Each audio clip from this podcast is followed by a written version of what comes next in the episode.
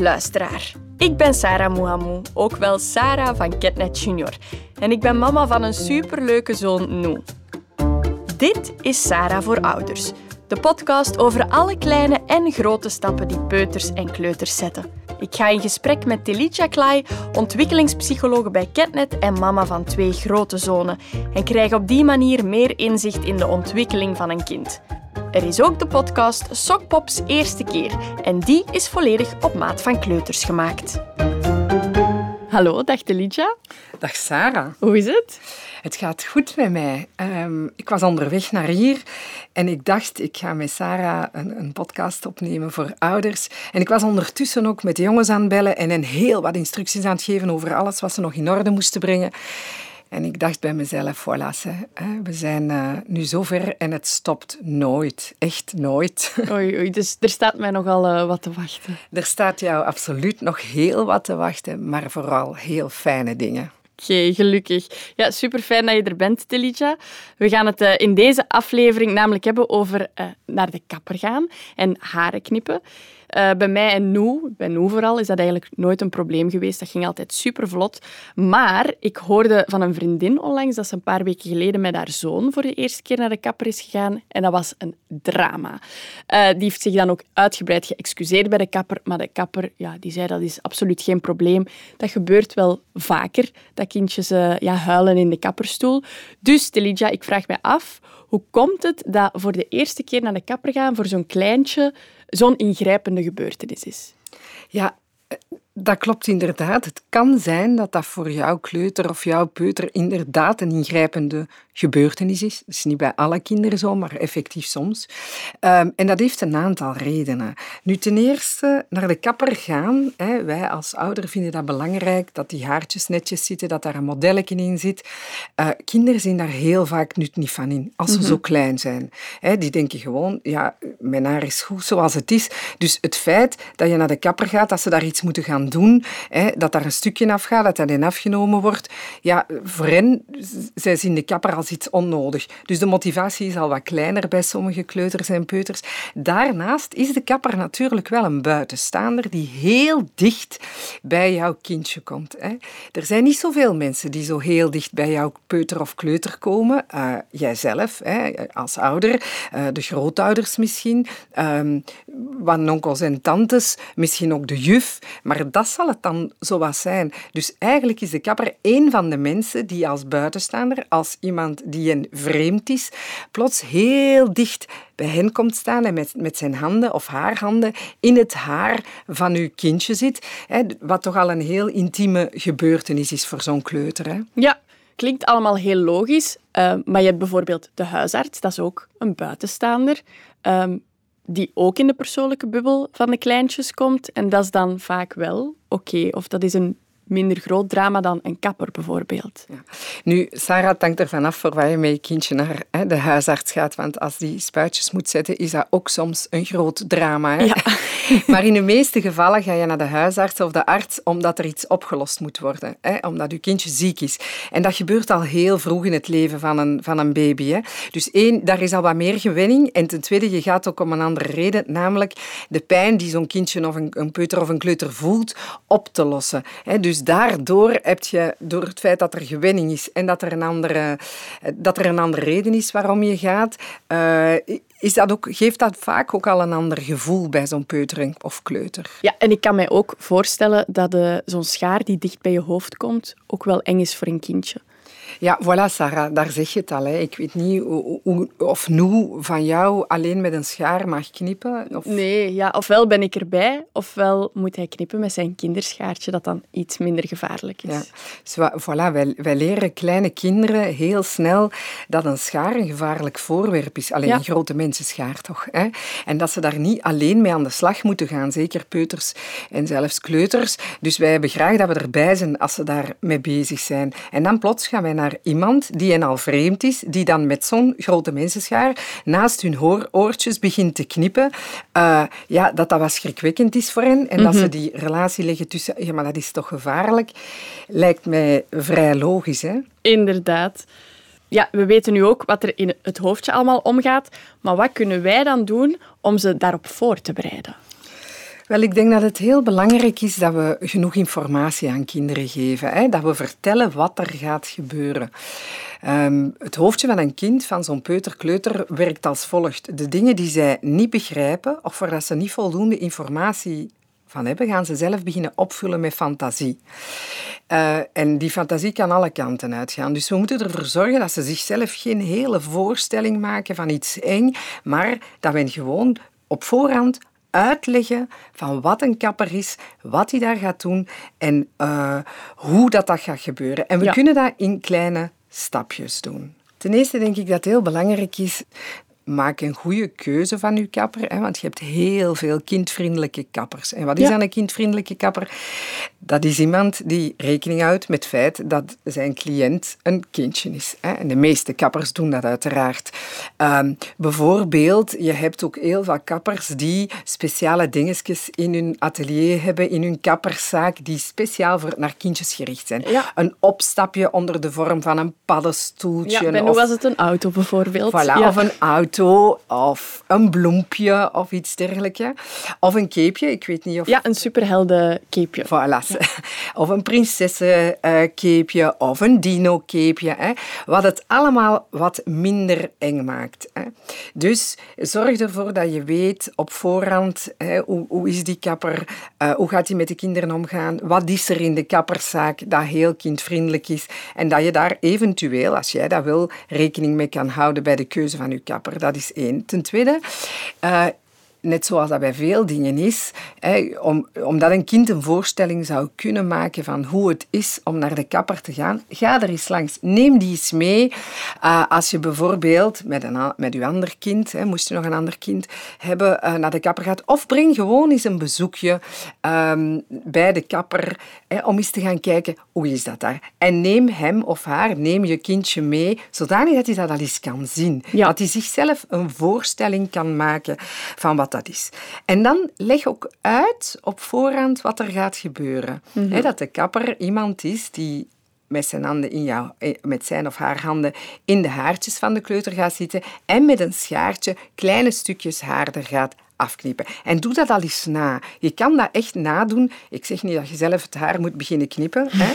Ieder zijn stijl. Maar je kan wel met je hand zo de haartjes knippen en eventueel uh, kan je ervoor kiezen om een klein lokje zelf te knippen en aan te tonen van kijk, dat doet helemaal geen pijn. En, ja. en voilà, um, dat is het gevoel dat je hebt geen gevoel dus als Ja. ze haar knippen, uh, dat er gaat gebeuren. Het is En- helemaal niks eng. Nee. Voilà. En dan kan die zich een voorstelling maken van wat er bij die kapper gaat gebeuren. Ja. En je kan je kind ook informeren op voorhand door bijvoorbeeld een boekje te lezen. Eh, bij- in de bibliotheek heeft men tal van boekjes over naar de kapper gaan, dat je samen kan voorlezen voordat je naar de kapper gaat, zodanig dat eh, je kind in een verhaalvorm al een beeld heeft. En er is natuurlijk ook eh, jouw podcast, Sarah, Ja. met Sokpop, waar Sokpop voor de eerste keer naar de kapper gaat. Luister dat zeker eens voor je met je kindje naar de kapper gaat, zodanig dat hij ook op een andere manier, hè, een fijne, leuke manier, een voorstelling heeft van wat het is om voor de eerste keer bij de kapper te gaan. Ja, dat zijn inderdaad al eh, heel handige voorbereidingstips. En uiteindelijk valt zo'n eerste keer naar de kapper eigenlijk wel mee op die leeftijd. Hè? Ja, zeker als je er heel vroeg mee begint, is er niet veel te knippen. En dan gaat dat eigenlijk gewoon over gewenning. En dan is een kappersbezoek eigenlijk van heel korte duur. Hè. Dus dan ga je gewoon naar de kapper, die gaat hier en daar eens iets afknippen. En, aan, en dan, dan ziet een kindje ook wat er gebeurt met de haartjes, hè, dat die op de grond vallen, dat die weggedaan worden. Hè. En dan kan je ook eens al voor de eerste keer een plukje meenemen dat je dan kan bewaren, eventueel als je dat wil, voor jouw kindje later. Hè. Ja, daar heb ik nog een eh, kort verhaaltje over. Ja. Ja. ik heb dat dus niet kunnen doen bij Noe, zo'n klein lokje bewaren. Hoewel dat ik dat zelf heel graag wou. Want de echte eerste keer eh, dat Noe zijn haar liet knippen, was eigenlijk eh, bij de oma. En ik was niet op de hoogte. Dat was super stiekem gebeurd. En die dacht dat ze mij daarmee hielp, omdat Noe zijn haartjes al wat langer waren. En het was zomer, dus dat begon dan een beetje met dat zweet. Was dat niet zo aangenaam voor hem. Dus ze wou eigenlijk gewoon helpen. Ze heeft dat dan geknipt. En voor mij was dat eigenlijk iets heel emotioneel. Ehm, dus ik vond dat toen super jammer. En natuurlijk heeft ze die haren dan ook weggegooid. Dus ik heb dat helemaal niet kunnen hebben. Super jammer. Maar inderdaad wel een leuke tip om je kind zo voor te bereiden en dan ook nog eens een herinnering te hebben aan dat moment. Absoluut. Um, ik hoop dan, Sarah, dat je van zijn tweede kappersbeurt misschien een haarlokje hebt kunnen... Ja, ja. voilà. ja, ik merkte trouwens ook... Uh, bij zo'n kleine kindjes, als die naar de kapper gaan, dat is uiteraard helemaal anders dan als wij als volwassenen naar de kapper gaan. Veel minder handelingen. Zo worden hun haren bijvoorbeeld niet gewassen, terwijl ze dat bij ons ook doen. Dus dat duurt ook veel minder lang. En het zijn ook minder dingen die ze moeten doorstaan dan. Hè? Ja, dus dat klopt inderdaad. Hè. Buiten het feit dat er niet massaal veel te knippen valt hè, bij zo die allerkleintjes, is het zo dat de kapper meestal de haartjes niet wast, maar met een sproeiertje besproeit, waardoor dat, dat zo wat vochtig wordt en waardoor dat die kleine lokjes makkelijk te knippen zijn. Maar dan nog, van welke korte duur een kappersbeurt ook is. Kindjes vinden het soms heel moeilijk om stil te zitten. Hè? Ja, sowieso. Ja, voilà. Dus neem gerust iets mee dat voor afleiding kan zorgen. Um, een boekje bijvoorbeeld dat je samen kan lezen of dat je peuter of kleuter alleen kan lezen. Of een tablet waar die uh, iets op kan bekijken. Ja. Uh, zodanig dat de tijd wat gedood wordt. Hè. Voilà. Iets van Sarah in de Catnet Junior app Absoluut. Het is een, maar een tip. Een zeer goede tip, Sarah. Waar je ook moet rekening mee houden, is dat sommige kindjes uh, kunnen schrikken als de haartjes plots op de grond liggen.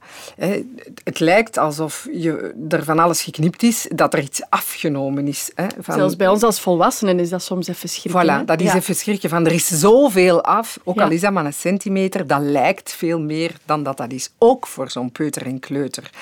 Dus het is belangrijk om dan even daarbij stil te staan.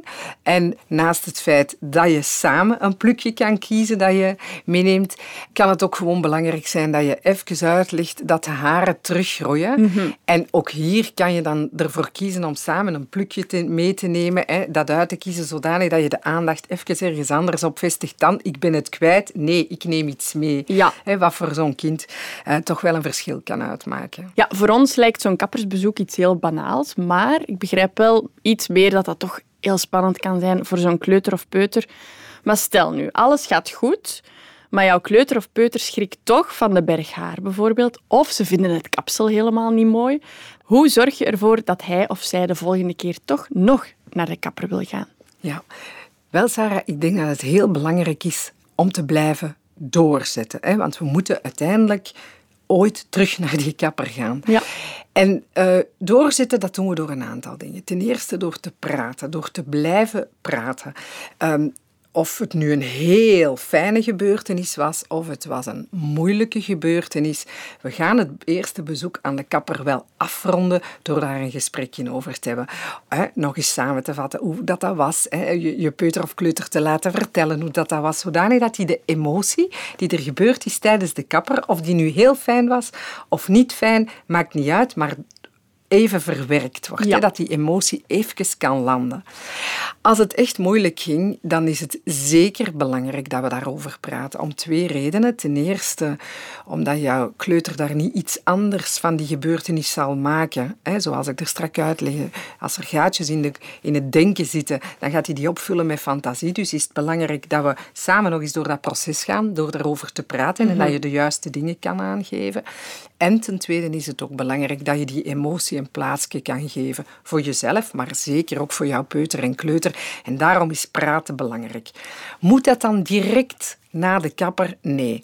er zijn sommige kleuters, peuters die even tijd nodig hebben om hun emotie, eh, de heftige emotie die ze pas hebben, om dat even te laten landen voordat er een gesprek mogelijk is. En dan denk ik dat het belangrijk is om daar voldoende bij stil te staan. En dat kan je ook doen door bijvoorbeeld terug samen eens naar de podcast te luisteren van Sokpop, die voor de eerste keer naar de kapper gaat, omdat dat een manier geeft om dingen te verwerken, omdat dat ook terug info, juiste informatie geeft, een emotie in perspectief zet en het gevoel van uw peuter en kleuter een beetje terug kan draaien. Dus je kan een hulpmiddel inroepen om die emotie te doen landen en daar is de podcast zeker geschikt voor. Ja. Dan blijf ook zeker naar de kapper gaan, want het is de bedoeling dat we die aanvankelijk iets negatievere ervaring omdraaien naar een positieve ervaring. En wat je kan doen ter voorbereiding van je volgende kappersbezoek, is zorgen dat er sowieso een positieve ervaring rondhangt. Dus hè, denk aan een beloning, een koekje dat je meebrengt of dergelijke. Of iets hè, dat je zegt, en na de kapper gaan we het heel fijn samen doen, zodanig dat het kappergebeuren niet hoeft te overheersen, Mhm. maar dat het een fijn moment van jullie samen wordt waar zo'n kindje naar uit kan kijken en wat van de kapper uiteindelijk iets heel positiefs kan maken. hè. Ja, een beetje een, een, eh, een verwenmomentje. Hè? Absoluut een verwenmoment tussen jullie samen. Ja, wat ik ook altijd bij de kapper doe, is eh, van Nu een leuke foto nemen. Want ik vind dat altijd tof als herinnering. Ehm, en dat is ook leuk voor hem om achteraf nog eens naar te kijken. Hè, van, weet je nog toen we naar de kapper zijn geweest? Ik vind dat eigenlijk een kei leuke suggestie, Sarah. Want op die manier hè, kan je alle stadia van de haartjes van je kind een beetje opvolgen, zodanig dat je een kweet nieuw leuke herinnering hebt voor later. Niet alleen voor jezelf, maar ook voor je kindje. En op die manier van je kappersbezoek een heel leuke herinnering maakt. Ja, voilà. Ook weer een hele toffe tip eh, voor zowel je kleuter of je peuter als voor de mama's of de papa's. Dank je wel voor alle tips en jouw expertise, Telitja. Het was heel boeiend. Dat zijn weer extra handvaten die we dan kunnen gebruiken. Want ik wil sowieso nog eens benadrukken dat wij als ouders of opvoeders aldoende leren en dat we ook maar proberen om ons uiterste best te doen. En dat is soms met vallen en opstaan. Maar tips helpen wel altijd. Dank je wel daarvoor. Dat is heel graag gedaan, Sarah. Ik vond het zelf ook heel fijn om met jou dit gesprek te hebben. Het katapulteert mij ook een beetje terug naar de tijd waarin de jongens, of ik met de jongens, naar de kapper ging en manieren zocht om hen eh, toch even in die stoel stil te laten zitten, zodanig dat ze met een mooi geknipt kopje terug buiten kwamen. Ja. En intussen kunnen ze het allemaal zelf. Hè? nu. Gelukkig wel, ja, gelukkig wel. Dankjewel, Telidja. Eh, ik denk dat ik nu vooral voor mezelf nog eens een kappersbeurt ga inplannen. Ik denk dat ik meega. Ja, ja absoluut. een verwenmoment voor ons twee. Voilà.